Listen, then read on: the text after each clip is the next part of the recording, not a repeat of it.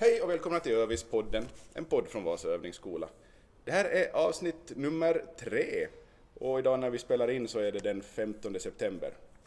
Jag som pratar heter Jan Alin och idag har jag Joe Moretti med mig här i podden. Eh, Joe har varit på vår skola så många av er känner kanske igen honom men idag ska vi ta reda på lite mer om vem han är. Good morning Joe.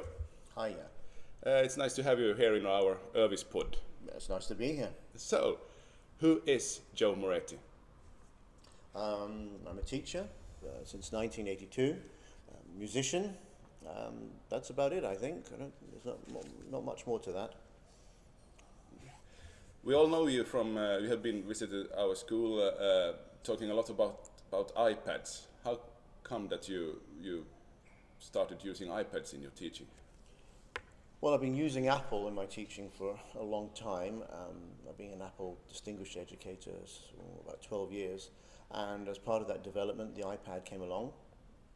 And I think we could all see the immediate implications of this device. uh, Made it so easy to get to create great content. Um, the much more intuitive nature of working with apps by touch. It just made so much sense. And of course, we've gone on in, uh, well, sort of the 10 years since the iPhone and however many years, five or six years of the iPad. Um, it's been a natural progression. Uh, you have been a lot in, uh, in Finland, I know. Yeah, uh, visited, visited many schools. You have even, even taught in, in Finnish schools some, some lessons. Yes, indeed, yeah. Uh, coming from the outside, uh, what do you see in Finnish schools? Well, what's well, what's your what's your reaction to, to the Finnish schools and school system?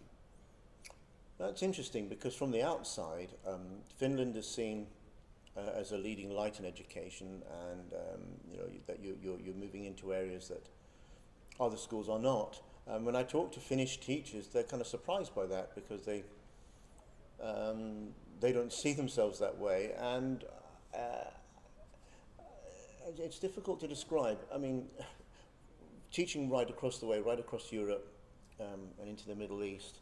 Um, most teachers and most students are facing the same problems, actually, irrespective of country.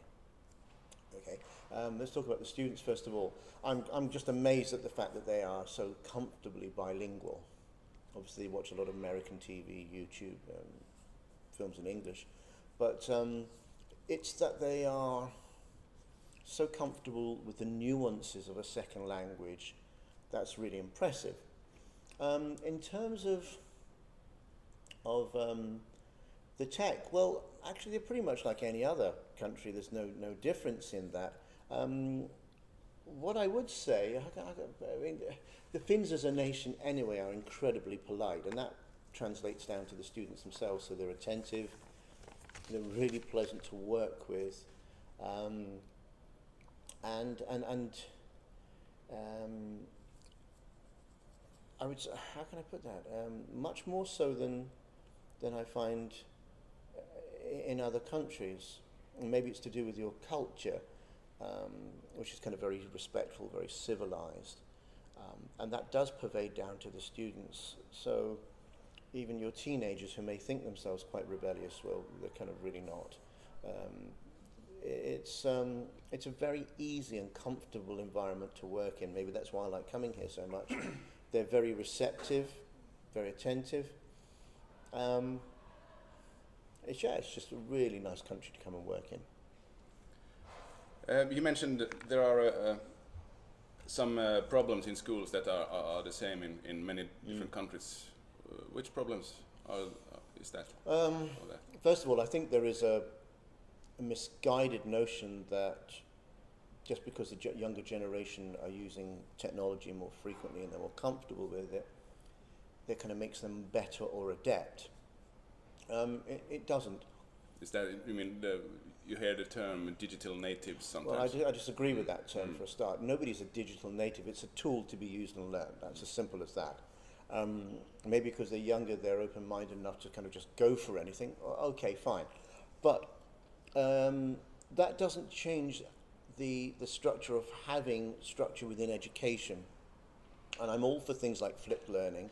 Um, but even within flipped learning, that, that there has to be a structure and there has to be, whether you introduce it as peer-to-peer or whatever, the kind of pedagogical framework is something that a teacher brings to that. And teachers seem to forget that um, just because this tech has come along and they go, oh, well, I, I'm, not, I'm not good with this stuff or I'm not quick with this stuff. And it hasn't got to do with speed, it has to do with concept, it has to do with uh, absorbing the technology in and getting the mindset for looking at how you'll maximize that technology to uh, improve the learning space and learning the opportunities. And that's what that needs. So teachers actually need to get more on board with looking at the possibilities of, of how this technology integrates beyond this is an app and it will do this. Because that technology is so much, um, has so much more potential than just this one-dimensional, I'm going to use this app because it does this maths concept. Um, so quite often I get teachers, and this is not just Finland, this is everywhere, people go say, I want to do this concept in maths. What's a great math? What's, what's a great maths app? What's a great geography app? And I think you're looking at this slightly wrong, the wrong way. There are apps that are very specific, and you need to do some homework. That's down to you. You are a subject specialist. But there are a sort of generic core of apps that need to be integrated in the same way as rulers and pencils and pens and paper.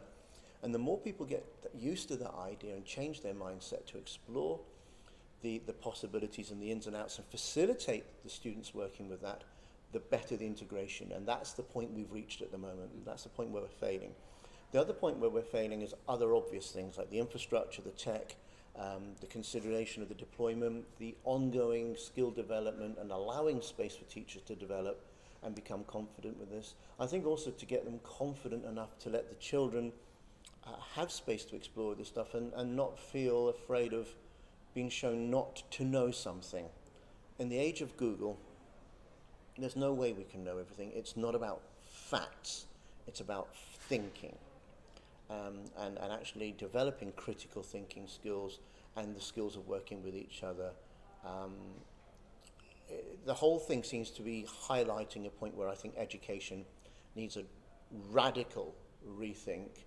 Um, we've got to stop the mentality that's just pushing us towards you complete this exam, you're a better person if you get this grade, or you're a, you deserve this job, or whatever. That once that that system uh, starts to change, and it's not changing at the moment. It's not changing anywhere that I've seen um, on, on a huge scale. Some institutions are moving away from uh, formal assessment, but they are in the minority.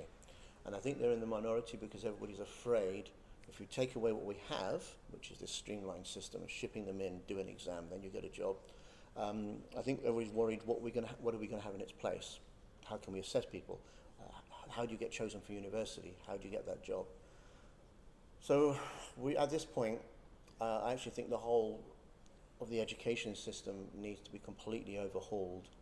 Unfortunately, it's a beast that is going along on a daily basis. So how do we change something that is being delivered on a daily basis? It's, it's a massive problem. Uh, one final question. You, you mentioned that 10 years ago we didn't have the, the iPhone. Mm. Five or six years ago we saw the iPad. Where will we be in, in, in tech, tech technology in school in, in say five years? What do you see in the future? Definitely augmented reality, uh, without a doubt. Um, from the film Minority Report to uh, Robert Downey Jr. in Iron Man, where we're literally reaching out and touching and uh, interacting with a, with, with, a virtual environment that um, will be moving files by literally moving stuff around in the air. I mean, we're there already. That technology exists, but that's where I see as much as possible the technology becoming transparent to what we're doing. Okay, thank you, Joe. It was nice having you in, in Irvis Podden. Have a nice day. Thank you very much.